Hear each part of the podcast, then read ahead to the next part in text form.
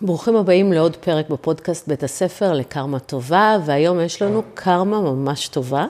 נמצאת איתי כרמל אגר, שלום כרמל. אהלן. מה שלומך? מצוין, מה שלומך? מצוין גם. אה, כרמל, היא חיה את החיים שלה בקפיצות קוונטיות, תכף תבינו על מה מדובר, ובעצם אה, תדבר היום על זימונים, על איך לזמן את מה שאתם רוצים לחיים שלכם, ומי שעוקב אחריי, מי שקרא את הספר שלי, בית הספר לקרמה, יודע שאני מאוד מאוד מאמינה בלזמן. אה, אז הנה היא פה, ואנחנו הולכות לדבר על מה שאני בטוחה שמאוד מאוד יעניין אתכם. שלום וברוכים הבאים לעוד פרק בפודקאסט בית הספר לקרמה טובה. אני עורכת הדין רות דיין וולפנר, ואני אדבר איתכם על גירושים, על זוגיות, וכמובן על קרמה, שהיא בעצם תוצאה. מה זה? קפיצה קוונטית בחיים שלך, כרמל. מה זה? מה זה הדבר הזה? ממש פשוט. אמ, זו השאלה מעולם הפיזיקה הקוונטית, והכוונה שלי זה שאנחנו יכולים להגיע למקום שאנחנו רוצים להגיע אליו, להשיג את התוצאות שאנחנו רוצים, להפוך להיות האנשים שאנחנו רוצים להיות, מהר יותר ובקיצורי דרך יותר ממה שאמרו לנו שהגיוני, אפשרי ונכון. בגדול אני פשוט מקצרת את הדרך, כי אני חסרת סבלנות, ואני רוצה את החיים שלי עכשיו, ומהר, ולחוות כמה שיותר. אז uh, קיצרתי לי את הדרך. זה באמת עובד? רוצה. זה עובד, זה לא קסם, זה לא מדיטציות, ו... מדיטציות בעיניי זה קסם. אה, לא.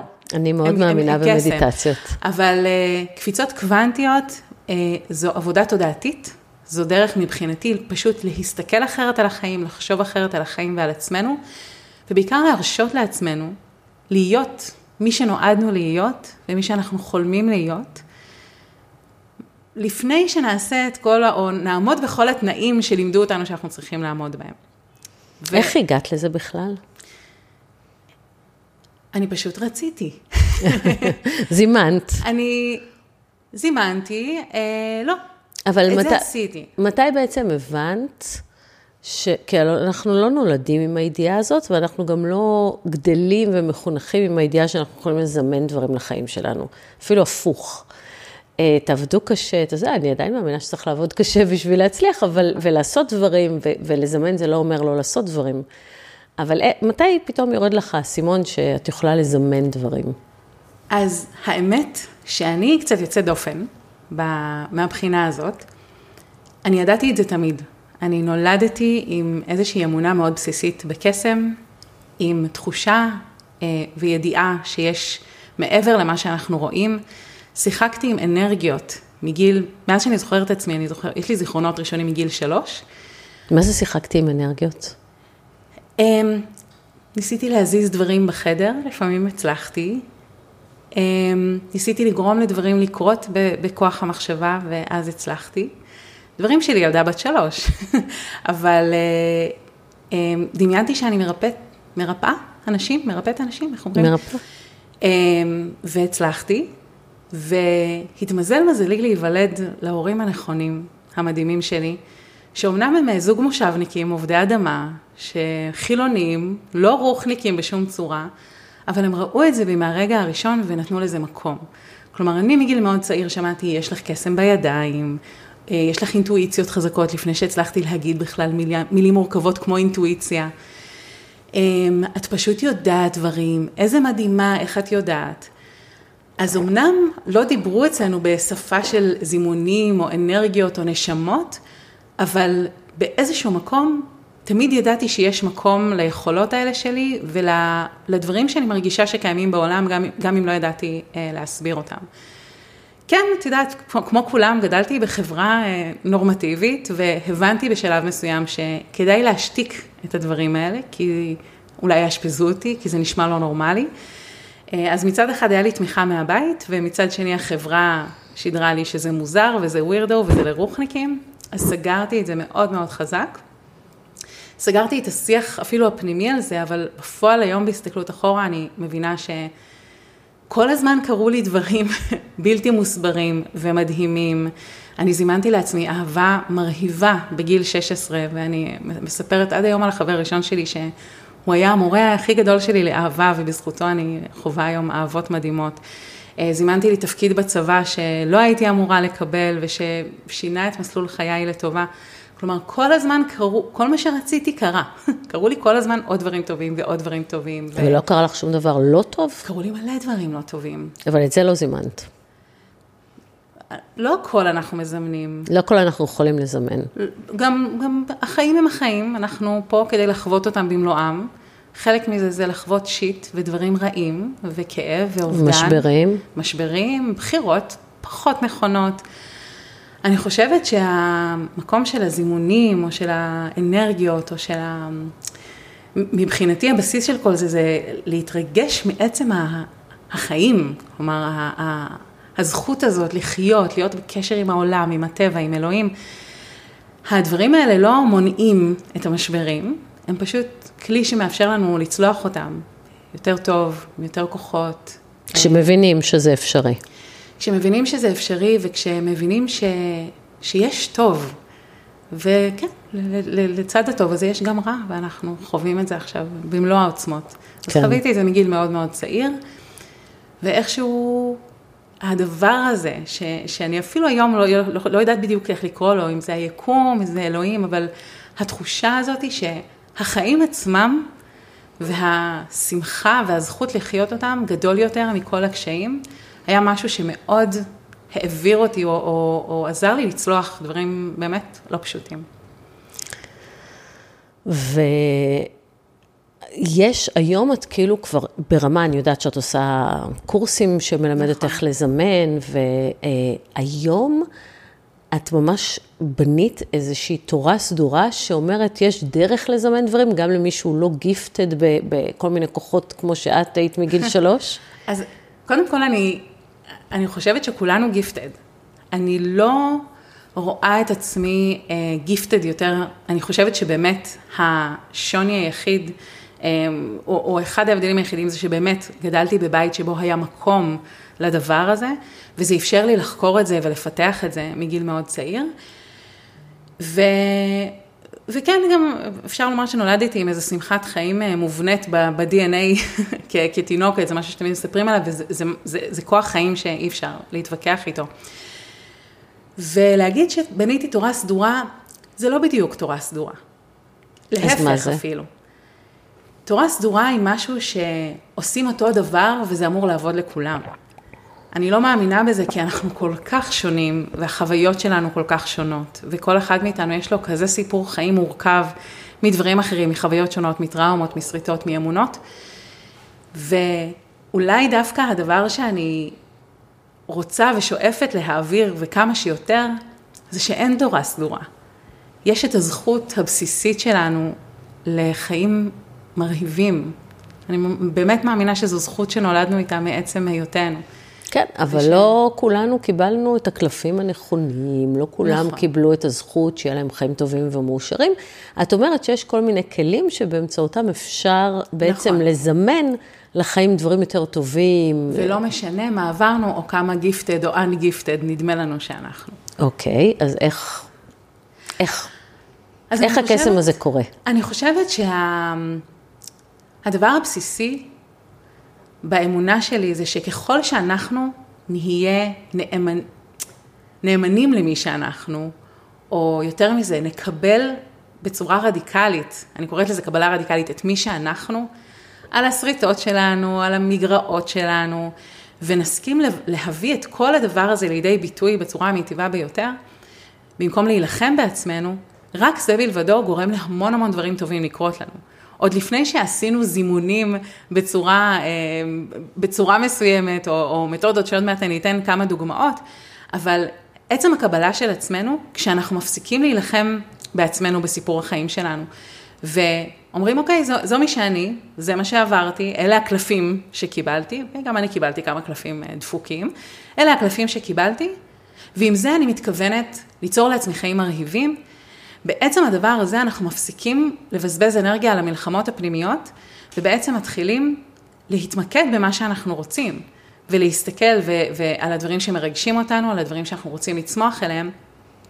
עצם הבחירה הזאת להניע את האנרגיה למקומות שאנחנו רוצים להיות בהם, במקום למקומות, למקומות, למלחמות, סליחה, הפנימיות, מקפיץ אותנו. נראה לי שאת מדברת על זה קדימה. שבעצם ברגע שאנחנו מתחילים לאהוב את עצמנו, לקבל את עצמנו כמו שאנחנו, אה, אנחנו יכולים להיות יותר טובים, אנחנו יכולים להשתפר, אנחנו יכולים להביא דברים שאין לנו עכשיו, ואנחנו קודם כל צריכים לקבל את עצמנו כמו שאנחנו, זה מה שאת אומרת? כן, לא בהכרח לאהוב. למה לא? אז אני אגיד לך למה, הרבה אנשים מדברים על אהבה עצמית. באופן אישי, לא תמיד אני אוהבת את עצמי, יש לי המון ביקורת כלפי עצמי, אה, כלומר, כשאני, כל, במהלך חיי, כשדיברו איתי, את, את חייבת לאהוב את עצמך, כדי שא', ב', הנה, זה עוד תנאי ששמו לי כל מיני מורים לחשיבה חיובית. אתם חייבים לאהוב את עצמכם, ואני כזה, אבל מה אם אני לא אוהבת את עצמי? אז איך את מקבלת את עצמך אם את לא אוהבת את עצמך? איך זה מסתדר קבלה ביחד? רדיקלית, קבלה רדיקלית היא בסיסית יותר מאהבה. היא לא תמיד חיובית.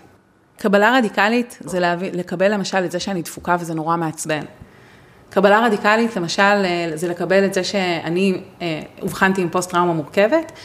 אה, זה משהו שמשאיר את אותותיו בחיי, עברתי טיפולים, בסדר, עבדו, לא עבדו, לא משנה. זה משאיר את אותותיו בחיי, באימהות שלי, בזוגיות שלי. אני אוהבת את זה? לא. אני שונאת את זה. זה נורא ואיום, זה מציק. אני מקבלת את זה פשוט כי זו המציאות. חברה okay. אוקיי. שלי נהרגה בפיגוע. אני אוהבת את זה? לא, אני לא אוהבת את זה. זו המציאות. ואני, זה, זה כמו חומר בסיסי יותר, קבלה היא חומר בסיסי יותר מאהבה. היא אולי האדמה שעליה אהבה יכולה לצמוח. אני לא חייבת לאהוב כל דבר, אני לא אוהבת כל תכונה בילדים שלי או בבני הזוג שלי, אבל... רגע, אני רוצה להקשות עלייך, אני לא עושה לך חיים קלים. אה, את, את מקבלת את זה, משמע, את חיה עם זה בסדר, או את מקבלת את זה, ואת, את הדברים שאת לא אוהבת, אוקיי? את מקבלת אותם, ו, ואז את רוצה לשפר אותם? כי, כי גם זה קצת לא, ברגע שאת מקבלת, אוקיי, אני תפוקה, זה מה שאני, את לא מסכימה לגדול. לא, או. ופה עוד איזה בלבול שאני חושבת שנוצר בתוך השיח הרוחני של ההתפתחות האישית. קבלה היא לא פסיביות או ויתור, okay. אוקיי. להפך. קבלה היא הצעד הראשון שמאפשר לי לבחור בלי מטענים רגשיים במה אני רוצה לטפל ולמה אני מניחה. עכשיו אני יכולה, אני אתן לך דוגמה עם, עם הטראומה, אוקיי? אה, כשאני התגרשתי והטראומה הזו התפרצה אצלי, היא לא הייתה שם, היא לא הראתה את אה, סממניה לא בצורה כזאת קודם, לא היה לי כסף. אני התגרשתי, לקחתי על עצמי חובות של מעל מיליון שקלים, אה, לא היה לי כסף לטפל בעצמי. הייתי לבד עם ארבעה ילדים, מפרנסת אותם לבד, חובות, אפס הכנסה, כי הטראומה לא אפשרה לי לעבוד. לא אמרתי, טוב, זה, זהו, פה נגמרים החיים, בזה זה נגמר. אבל ברגע שקיבלתי את הטראומה ואמרתי, אוקיי, כרמל, תתמודדי, זה מה שיש. עכשיו, מה את עושה עם זה? וקיבלתי את זה שאין לי כסף, וקיבלתי את זה שאף אחד לא, לא מגיע להציל אותי, אין שום אביר על סוס לבן באופק. אמרתי, אוקיי, זה מה שיש. הנה ארבעה ילדים שצריכים אותך, זה היה באמצע משבר הקורונה, אז הם גם יהיו כל הזמן בבית. הנה העובדה שאין לך זמן לעבוד, הנה העובדה שכסף גורם לך להתקפים פוסט-טראומטיים, והנה העובדה שאין לך כסף לטפל בעצמך. עכשיו, מה את עושה עם זה? כלומר, הקבלה היא לא ויתור וטוב, it is what it is. זה הצעד הראשון. ואני חושבת ש...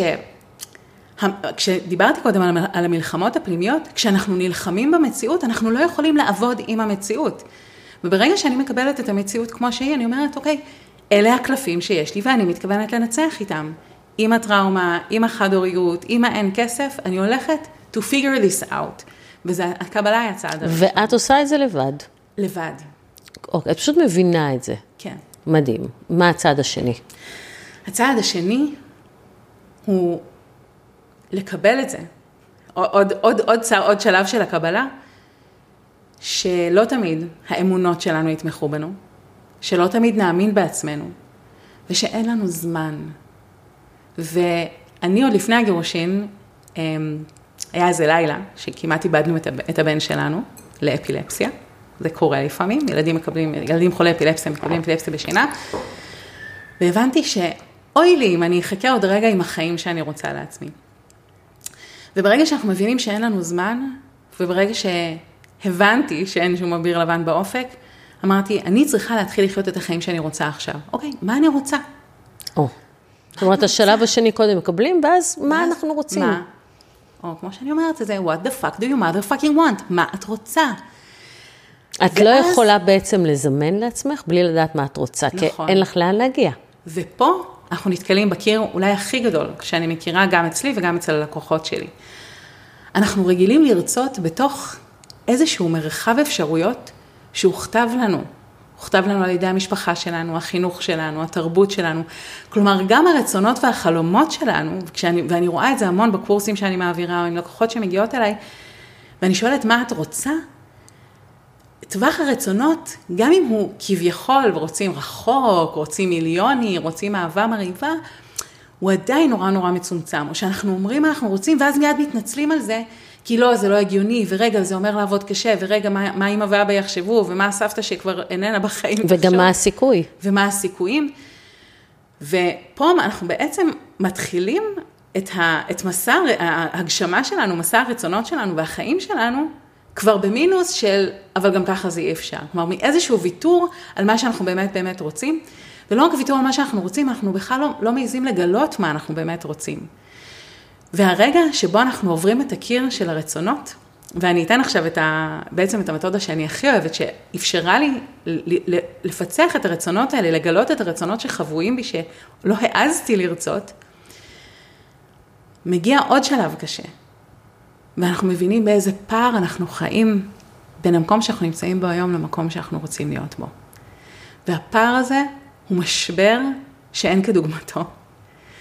ואם אנחנו נסכים לצלוח את המשבר הזה, ואם אנחנו נסכים לחוות אותו עוד לפני שנגיע אליו, ונגיד, אוקיי, אני הולכת להעיז לשאול את עצמי באמת מה אני רוצה. אני הולכת להעיז לחוות את הכאב שזה עלול להציף. מי שמעיזה לצלוח את התהום הזאת, את הגילוי הזה של הפער בין הרצונות, הרצונות שלה למקום שהיא נמצאת בו, הפער בין הרצונות שלה לרצונות של בן הזוג שלה, הפער בין הרצונות שלה לבין התרבות שהיא התחייבה להמשיך ולגדול בה, מי שמוכנה לצלוח את זה במיידי, חובה קפיצה קוונטית.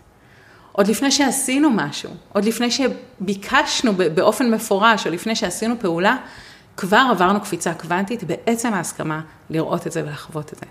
ושם, בקורסים שלי, וזה בדרך כלל השיעור הראשון, שם קורים דברים מרהיבים. זה רגע הגילוי הגדול. זה גם המשבר הגדול וגם הגילוי הגדול. שלב הבא. אוקיי, אז, אז, אז היה לי תוכנית, אני כאילו קיבלתי כבר את המקום שאני נמצאת, הגדרתי מה אני רוצה, הייתי מוכנה להתמודד עם הפער בין המצוי לרצוי, נכון. ומה עושים בשביל להגיע לרצוי. אוקיי, אז קודם כל, בואו נדבר על הרצוי. אפשר לעשות, אה, ללמד תרגיל קטן? יאללה. מעולה. אז אחד המחסומים שגיליתי הכי מרכזיים או נפוצים שיש לאנשים בלבקש את מה שהם באמת רוצים, זה שאנחנו לא מרגישים ראויים. עכשיו, אני לא נכנסת ללמה כן טראומות, לא טראומות, רובנו מרגישים באופן מוגבל ראויים לכל מה שאנחנו רוצים באמת. התיאוריה שלי אומרת שאם היינו מרגישים ראויים, פשוט היינו משיגים את זה בלי שום בעיה. עכשיו, מה עושה כרמל אגר? אני לא מחכה להרגיש ראויה. כי גם אם אני אעבוד על הראויות שלי, על תחושת הראויות שלי במקום אחד, בעוד שלושה שלבים קדימה, אני שוב ארגיש לא ראויה. יכול להיות שאני לא ארגיש אף פעם, אבל אני מתכוונת לחיות את החיים שאני רוצה, אפילו שאני לא מרגישה ראויה. מה עושים אנשים לא ראויים, שמבקשים לעצמם את מה שהם רוצים, אפילו שהם לא ראויים? איך קוראים להם? חיים בסרט. אנשים חצופים. מה זה בן אדם חצוף? בן אדם שמגיע לתור, הוא לא עמד שם, הוא לא חיכה, והוא אומר, לא, עכשיו אני נכנס. חצוף, נכון? ממש. אז אני לקחתי את החוצפה והפכתי אותה למתודה. וזו מתודת הזימונים והרצונות הכי חזקה שאני מכירה. והשאלה היא כזאת, אם הייתי ממש חצופה, הכי חצופה שאפשר, לא ראויה, לא מגיע לי, והייתי מסכימה לבקש בכל זאת את מה שאני רוצה, מה הייתי רוצה? ותמיד השאלה היא מה הייתי רוצה. אם הייתי ממש חצופה, מה הייתי רוצה? זה לא מה שאני רוצה היום, זה אם הייתי חצופה, מה הייתי רוצה. בדיוק. עכשיו, זה, מאפשר, זה מאפשר לנו איזשהו, אה, קצת אומץ. כי אנחנו לא מתחייבים, אני לא אומרת שאני רוצה את זה, אנחנו קצת משקרים לעצמנו וזה טוב, זה מאפשר לנו מרחב לשחק עם רצונות שאנחנו לא מעזים לרצות. החוצפה מאפשרת לנו בעצם לשאול, מה לא העזתי לבקש לעצמי? מה לא העזתי? מה לא נעים לי מעצמי שאני רוצה? מה לא נעים לי מהעולם שאני רוצה? מה לא נעים לי מאלוהים שאני רוצה? תהיי חצופה שנייה ות, ו, ותשאלי את זה. אני חושבת שזה אחד המקומות שבאמת החיים שלי עברו מהפכה. פתאום גיליתי מי אני. כשאני לא הבת של ההורים שלי ולא האחות של האחים שלי, שאני מאוד מאוד אוהבת, וכשאני לא נצר למשפחת שחר ולא נצר למשפחת אגר, רק אני, ולא אשתו של, ולא אימא של, ולא... התפשטתי מכל מה שמצופה ממני, והייתי הכי חצופה, ופתאום גיליתי, מה אני רוצה? מי אני רוצה להיות? מפה הדרך להגשמה קצרה. אז שאלנו את עצמנו מה אנחנו רוצות, ומה היינו רוצות אם היינו ממש חצופות. וזה מה שאת עושה כשאת מתגרשת בקורונה עם ארבעה ילדים, ילד אחד חולה אפילפסיה ש- ומיליון שקל. שני ילדים חולים אפילפסיה, שני... וזה בכלל חוצפה. ומיליון שקל אה, חובות. מי מתגרש כשיש לו משק כושל וחובות ו... מי שלא יכול לסבול יותר מתגרש. זה אני יודעת uh, מעבודה. נכון, אבל את יודעת שזה לא המקום שהתגרשתי ממנו. אוקיי, את שואלת אותי מי מתגרש, נכון, אני אומרת לך, נכון, מתגרשים כשלא יכולים יותר לסבול, ואז לא משנה המצב הכלכלי ולא משנה הקושי מתגרשים. אז אני לא אוקיי. הגעתי לשם. אז מה, אז איך את התגרשת? אני התגרשתי במקום הכי טוב שהיינו פה בחיים שלנו, בזוגיות שלנו. באמת? כן. אני שאלתי מה אני אעשה אם אני אהיה חצופה לפני שהתגרשתי, כמה חודשים לפני. והתשובה הייתה שאם הייתי חצופה, ואם לא היו חוקים ולא היה אכפת לי מה יחשבו, לא הייתי מסתפקת בגבר אחד. גיליתי שאני א-מונוגמית, שזו נטייה מולדת שלי. אה, באותו יום שהבנתי את זה, סיפרתי לבן זוג שלי שהיינו בקשר טוב וחברים טובים והיינו מדברים על הכל, והוא אמר לי, וואלה, את באמת כזאת? פתאום הכל הסתדר. באותו יום פתחנו את הקשר, ויצאנו שנינו לאיזשהו מסע גילוי של עצמנו. בתוך מסע הגילוי הזה מאוד התקרבנו. האהבה שלנו פרחה כמו שהיא לא פרחה 12 שנה של נישואים. דיברנו בכנות ובקרבה כמו שלא דיברנו מעולם, ובתוך המסע הזה אני הבנתי שזה כבר לא מתאים לי. הקשר לא, לא, לא איתו, לא החיים במושב, לא... שום דבר מהחיים שהצבתי לי כבר לא מתאים לי, ושאני רוצה לצאת לדרך חדשה לבד. אז כשאני התגרשתי, זה היה דווקא מהמקום הכי טוב של, אני לא הבאתי את עצמי לקצה, אלא אני פשוט רוצה יותר, אני רוצה אחרת. אוקיי. Okay. ואני רוצה דברים חצופים. וזה מקום ממש טוב נכון. לצאת ממנו, אבל עדיין את מוצאת עצמך אחרי הגירושים, נכון. שמתפרצת אצלך טראומה, נכון. ואת במשבר מאוד קשה. למרות שרצית וזה, שהיית מקום, וזה מאוד, מאוד טבעי, מאוד נורמלי. נכון. איך בן אדם מוציא את עצמו מהמקום הזה? עם המון חוצפה. ואנשים אומרים, קוראים לזה אומץ, אבל... אני גם קוראת לזה אומץ, אני לא יש, חושבת שזה חוצפה, אומץ. לא, זה, כן. אומץ, זה האומץ זה, לבקש. זה אומץ, זה אומץ לבקש, ויותר מזה, זו ההסכמה שזה לא יצליח. זו ההסכמה ליפול. כי אם אני לא הייתי מסכימה לקחת על עצמי את הסיכונים ולקחת על עצמי חובות של מיליון שאני עדיין משלמת אותם. אני עוד, עוד רחוקה הדרך, אני כבר עושה הרבה כסף, אבל עוד רחוקה הדרך לסיים, לצאת מהחובות. אם אני לא הייתי מסכימה שיישבר לי הלב, אם לא הייתי מסכימה להיכשל, אם לא הייתי מסכימה לטעות, לא הייתי יוצאת לדרך. והאומץ בעצם היה הסכמה למות מפחד ולעשות. ולמות מפחד ולעשות שוב. ואז ליפול ולהתרסק ולהיכשל ולמצוא את עצמי על הרצפה, שזה במקרה שלי מה שהטראומה עושה, כשארבעה ילדים בסלון ואימא על הרצפה לא מסוגלת להרים את עצמה בלי שחברה תבוא להרים אותה, ולעשות את זה בכל זאת. ואני חושבת שמכל הדברים, ואני יכולה ללמד מיליון טכניקות לקפיצות קוונטיות, אני יכולה ללמד מיליון טכניקות לזימונים. את ההסכמה למות מפחד ולעשות בכל זאת, זה הדבר ש, שמאפשר לנו לזוז כל הזמן. ואני נותנת תמיד את הדוגמה גם על ילדים, נכון? אנחנו מביאים ילדים לעולם. זה מתכון ברור לשברון לב. קודם כל הם יאכזבו אותנו. לא בטוח. והם יחזרו שבורי לב מבית ספר, ואנחנו, הלב שלנו יישבר יחד איתם. הלב שלנו יישבר הרבה פעמים, שזה נכון. ואנחנו עלולים לאבד אותם. חס וחלילה. חס וחלילה, ואף אחד לא אוהב לדבר על זה, אבל it is what it is. ואני חושבת, ואני חושבת שאחרי שזה, שהיינו כל כך קרובים ללאבד את הבן שלנו, הבנתי, באותו יום כשהבנתי שגם אם הוא היה קורה לו משהו, והייתי מאבדת את הילד שלי, לא הייתי מוותרת על שנייה מהאימהות הזאתי, הבנתי שאני יכולה את אותה הסכמה, לקחת את הסיכון הכי גדול ללב שלי, לעשות בכל המקומות בחיים. ועשיתי את זה באהבה, ויש לי היום שני בני זוג מדהימים עם שניים. אהבה. שניים, בטח. אני אישה גדולה, צריך הרבה כדי להחזיק את זה. אמ, אנחנו לא יכולים לחוות אהבה עמוקה בלי להסכים לח- לחשוף את הלב שלנו ולהיות פגיעים, ואנחנו לא יכולים להצליח כלכלית ועסקית בלי להסכים להיכשל בדרך. וההסכמה הזאת הייתה הקפיצה הקוונטית הכי גדולה. לא לשחק יותר על בטוח. וגם פה יש טכניקה. כל פעם שאני רוצה לעשות צעד גדול, ואני רוצה להתגבר על הפחד ולהיות אמיצה, כלומר לפעול אפילו שאני מאוד מפחדת, מה שרובנו עושים זה, לא, לא, לא, יהיה בסדר, הנה, טפו, טפו, טפו, שלא יקרה, חס וחלילה, חס וחלילה, לא יקרה, אל, יהיה בסדר. אבל זה לא נכון, כי לפעמים לא יהיה בסדר, כי דברים רעים יקרו לנו, ואנחנו ניכשל בדרך. מה שאני עושה, אני מסתכלת בכנות רדיקלית על הפחד שלי, בלי לעצום עיניים, בלי לשקר לעצמי שיהיה בסדר. אני אומרת, אוקיי, נגיד וזה יקרה. נגיד והדבר הכי נורא יקרה לילד שלי ואני אאבד אותו. מה אני הולכת לעשות? נגיד שאני לא אצליח להכני- להחזיר את החובות ויעקלו לי את כל החשבונות ואני והילדים וארבעת הילדים שלי יהיו- נהיה ברחוב. מה אני הולכת לעשות? נגיד שתפרוץ מלחמה והעסק ייסגר, מה שקרה עכשיו להמון אנשים, מה אני הולכת לעשות? וברגע שאני מסכימה להסתכל, זו, זו גם קבלה רדיקלית, לקבל את הפחדים שלי, לא לעצום עיניים מהם, לשים אותם על השולחן, זה לא כיף בכלל. אבל אני שמה אותם על השולחן ואני אומרת, אוקיי, נגיד שזה יקרה. אני מקבלת את העובדה שזה יכול לקרות. לא רוצה את זה, לא מזמנת את זה, אני פשוט מקבלת את העובדה ש-this is life וזה יכול לקרות. מה אני הולכת לעשות? ואני ממש מכינה לי, יש לי מחברות על מחברות בבית של תוכניות מגירה לפחדים שלי.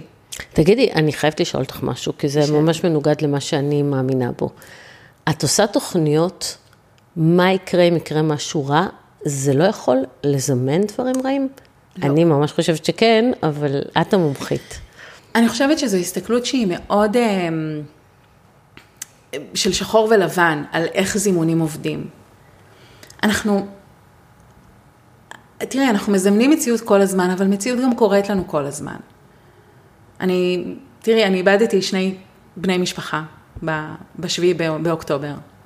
זימנתי את זה? לא. זה משהו שקרה. אפשר לדבר על תודעה קולקטיבית, אבל אין לי מה לעשות עם זה. ואני מאוד משתדלת, ואני גם הייתי באמונה שלך, נורא נזהרתי על המחשבות שלי, נורא נשמרתי. אז כל הזמן פחדתי שחס וחלילה אני לא אחשוב דברים רעים, וחס וחלילה אני לא אחשוב דברים מפחידים כדי שהם לא יתגשמו. הבנתי שאני, קודם כל, כשיש לך ילד חולה אפילפסי בבית, זה לא הוגן כלפי עצמך לא לחשוב על הדברים האלה. כשאת חיה בערבה, על כביש שיש בו כל הזמן תאונות, זה לא הוגן כלפי עצמך, לא להרשות לעצמך לדאוג לקרובים שלך שנוסעים על הכביש הזה כל הזמן. וזה בדיוק המלחמות הפנימיות שאמרתי, רגע, מה אם אני לא אלחם במחשבות האלה? מה אם אני פשוט אקבל, אקבל קבלה רדיקלית, שאני בן אדם, ויש לי גם מחשבות מפחידות, שהן לא תלושות מהמציאות, את יודעת. אה, הגירושין, שהיינו בטוחים שנתגרש כמו החברים הכי טובים, וזה לא בדיוק הלך ככה, אוקיי? אנחנו היום בסדר, אבל זו הייתה, זה, דרך, אה, זה דרך לא נעימה. אם אני כל הזמן אתעלם מהדברים שעלולים לקרות, אני לא נותנת לעצמי מקום לפחד שלי. ופחד הוא כמו ילד קטן. אם אני מתעלמת, בהתחלה הוא עושה לי ככה על הכתף, מושך לי קצת בחולצה, ואם אני מתעלמת ממנו ולא מוכנה להסתכל עליו, אז הוא מושך יותר חזק, ואם אני אמשיך להתעלם ממנו, בסוף הוא שוכב באמצע של הסופר וצורח ועושה לי טנטרום. והייתי כל כך מנוהלת על ידי, גם על ידי הפחדים וגם על ידי ההימנעות מלחשוב עליהם, שלא נשאר לי אנרגיה לעשות את החיים שאני רוצה. ומה שקרה זה שברגע שאמרתי, אוקיי, פחד, סבבה, בוא שב לידי, הנה. אני עושה לך מקום. דבר, דבר אליי, מה אתה מפחד שיקרה? מה ה-Worst case scenario? אני לא מתעסקת בזה, אני פשוט נותנת לזה מקום. אני לא מכריחה את עצמי לפחד, אבל זה שם, זה קיים. ובעצם הדרך שלך להתמודד עם הפחד זה לרשום, אוקיי, מה אני עושה אם קורה מה ככה אני וככה. עושה? ואת יודעת מה קורה? הוא נרגע. כי הנה, תוכנית מגירה, אני לא מתעסקת בה. אני נותנת לה חמש דקות, עשר דקות. אני מדברת עם הבן זוג שלי, תגיד, תקשיב, אני מפחדת שיקרה ככה וככה וככה, והוא אומר לי, סבבה. אז אם זה יקרה, הנה מה שאני, ככה אני אתמוך בך, והנה, אוקיי, יש, we are all set, יופי, שמים במגירה, באמת שמים במגירה, ואז את פנויה לפעול. כי את יודעת שגם אם משהו יקרה, את יודעת מה לעשות. זה כמו לצאת לדרך עם ערכת עזרה ראשונה. האם בזה שאני שמה ערכת עזרה ראשונה בתיק, או כשאני יוצאת לטרק בהימאליה, אני לוקחת איתי טלפון לווייני, אני מזמנת שיקרה לי אסון? לא. אבל אני זהירה, אני חכמה. אני לא, לא חיה מחוץ לחיים, אני חיה בתוך החיים ובתוך מה שקורה בהם. עם זה אני מסכימה. ונעבור לשלב הזימון. יאללה. עכשיו התגרשת, את מאוד רוצה אהבה חדשה, איך זימנת אותה? אז יש הרבה מתודות וטכניקות שאני משתמשת בהן לזימונים. בסדר, לא נספיק הכל לא בפרק הזאת, אבל. אז אחת כבר סיפרתי, החוצפה זה לגמרי מתודת זימון שאני משתמשת בה. אמ, מתודה נוספת שמדברת גם על המקום הזה של הקבלה של הפחדים, או של מה שנקרא אמונות מגבילות, זה, אני כותבת את מה שאני קוראת לזה משחק האבלים. אני כותבת את מה שאני רוצה, אוקיי? למשל, אני רוצה בן זוג מדהים שיאהב אותי עד כלות.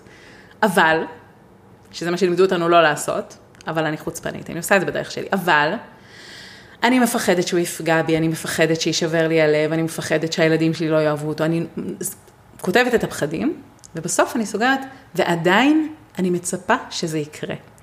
זאת אומרת שבתוך הזימון עצמו נתתי מקום לאמונות המקבילות, ואמרתי, אני מסכימה שזה יקרה לי, אפילו שיש לי המון פחדים וחסמים סביב הדבר הזה. אז זה דרך אחת שאני מאוד מאוד אוהבת, והיא פותחת מאוד את הלב. איך זימנתי את בני הזוג שלי? אני קוראת לזה הוליווד. יאללה. הוליווד, אני פשוט כותבת תסריט. אני כותבת תסריט של סצנה אחת מתוך החיים שלנו ביחד. אגב, בזוגיות, זה, זה, זה עובד לי הכי טוב בזוגיות, או בדברים שקשורים לילדים שלי, בדברים שקשורים לאנשים אחרים. בדרך כלל כשאנחנו רוצות לזמן זוגיות, אנחנו עושות רשימת מכולת, נכון? איזה תכונות אני רוצה שיהיה בו, מה, איך אני רוצה שהוא ייראה, אבל זה לא באמת, אנחנו לא באמת מזמנות איזושהי בובת אה, חרסינה. אנחנו רוצות חיים בזוגיות, ולכן אני לוקחת סצנה מחיים ואני כותבת אותה, ממש כמו תסריט. אנחנו נמצאים במטבח שלי, עם כל החלונות, אני גם דוחפת את כל שאר הזימונים לאיזה בית אני רוצה לדרך. והוא חותך את העגבנייה, ואני עוברת מאחוריו ומעבירה את האצבע על הגב שלו, וברקע השירי שבת, והנה השיר של חווה אלברשטיין שאני אוהבת, ויש ריחות של מרק, ואני מסתכלת עליו ומחייכת, ואז הוא מחייך אליי חזרה, ואני מספרת לו על הקורס החדש שאני כותבת, ואנחנו יושבים ומריצים רעיונות תוך כדי שהוא מבשל. וזהו, ואני כותבת את זה במחברת. עכשיו, אני כתבתי את זה שממש לא רציתי זוגיות, כי הייתי די שרוטה מכל מיני קשרים אחרים שהיו לי, וזוגיות היה נשמע לי כמו הדבר הכי נוראי בעולם, ואמרתי, זה היה שאמרתי, אני אכתוב את זה במחברת, מה אכפת לי, זה לא יקרה. ואז יום אחד עברתי במטבח והעברתי אצבע על הגב שלו, והוא חתך עגבניות, והיה ריח של מרק, ואני כזה, רגע, זה היה כתוב לי במחברת פעם, הדבר הזה. אז הסצנה של הוליווד היא סצנה שהיא פשוט עובדת כמו קסם. אני עושה אותה הרבה כשאני מזמנת דברים לילדים שלי, שקשורים אה, לחברים שלהם, לבריאות שלהם, הצלחה שלהם במבחן. את יכולה לזמן לילדים שלך? בוודאי, בוודאי. תלמדי אני, אותי איך. ממש... כל היום אני אזמן להם. כמו, כמו שאני מזמנת לעצמי. עכשיו, אני רגע אגיד משהו על לזמן לאנשים אחרים, כולל לילדים שלנו. אנחנו לא יכולים לבחור בשביל אנשים אחרים. בסוף הזימונים הכי חזקים שנעשה הם יהיו עבור עצמנו, כי אנחנו יכולות לפעול עבורם ולעשות אותם. גם לילדים שלנו, גם כשהם קטנים, יש את הבחירות שלהם, את הדרך שלהם. כשאני מזמנת עבור אנשים אחרים, גם עבור, אני מזמנת עבור הלקוחות שלי, לפני כל קורס שאני פותחת, שהם יצליחו ושיהיה להם טוב ושתהיה להם חוויה טובה. זה כמו לשלוח ברכה. אני לא מתערבת להם, אבל אני מברכת אותם. אז כשאני מזמנת עבור הילדים שלי, אני בעצם מרגישה שאני פותחת להם אפשרויות, אוקיי? זה כמו לתת להם את כל ההזדמנויות, בסוף הם יבחרו. זה כמו להרוויח בשבילם את הכסף כדי שיוכלו לבחור לאיזה בית ספר ללכת.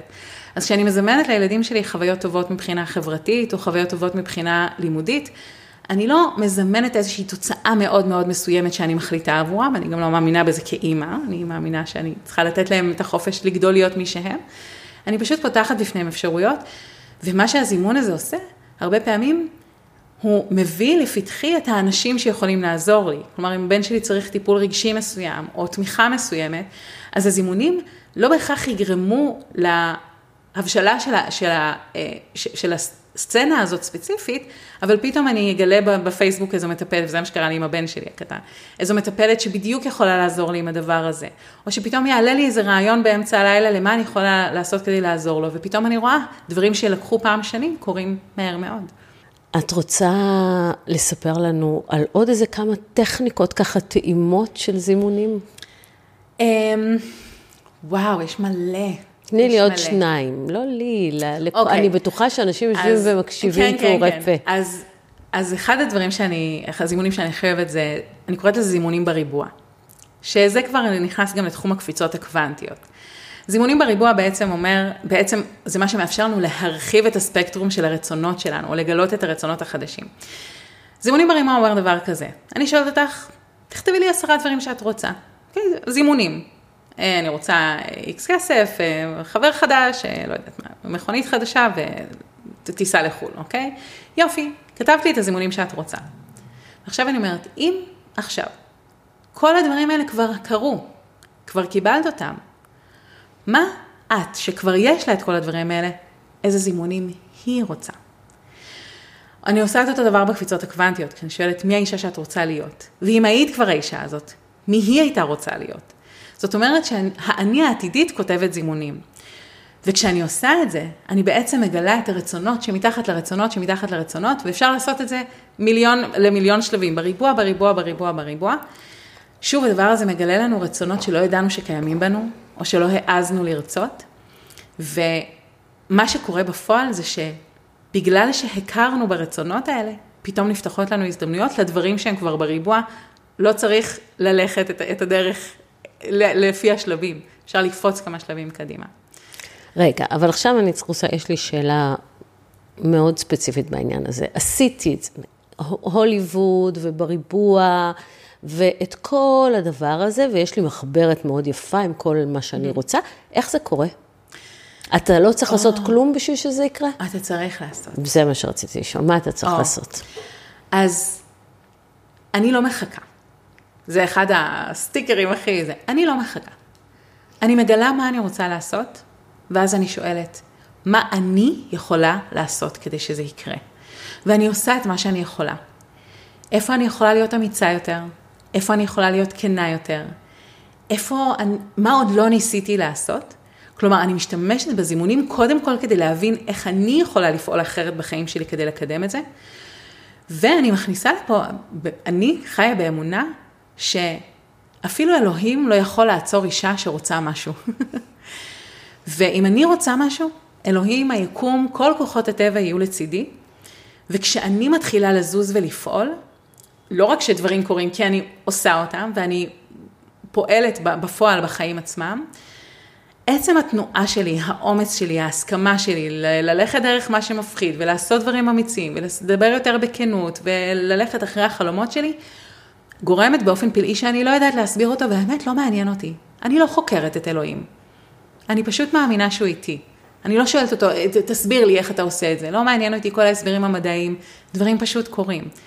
אז אני עושה, ואני עושה בכל הכוח, לא במאמץ ולא בלעבוד קשה, אלא בלעבוד מדויק ובאומץ. ומתוך אמונה אמיתית שככל שאני אתן את חלקי ואעשה את החלק שלי, ואהיה מי שאני עד הקצוות, גם במקומות שמפחיד, היקום וכל כוחות הטבע יתמכו בי ויזרזו את התהליכים האלה. וזה קורה. מדהים. כרמל אגר, תודה רבה. תודה לך. אני בטוחה שהרבה מאוד אנשים ירצו לשמוע עוד על הטכניקות שלך של הזימונים. ושוב, כמובן, אני אומר שאם מצאתם ערך בפרק הזה, תעבירו אותו לעוד מישהו, ונתראה בשיעור הבא של בית הספר לכמה טובה. תודה.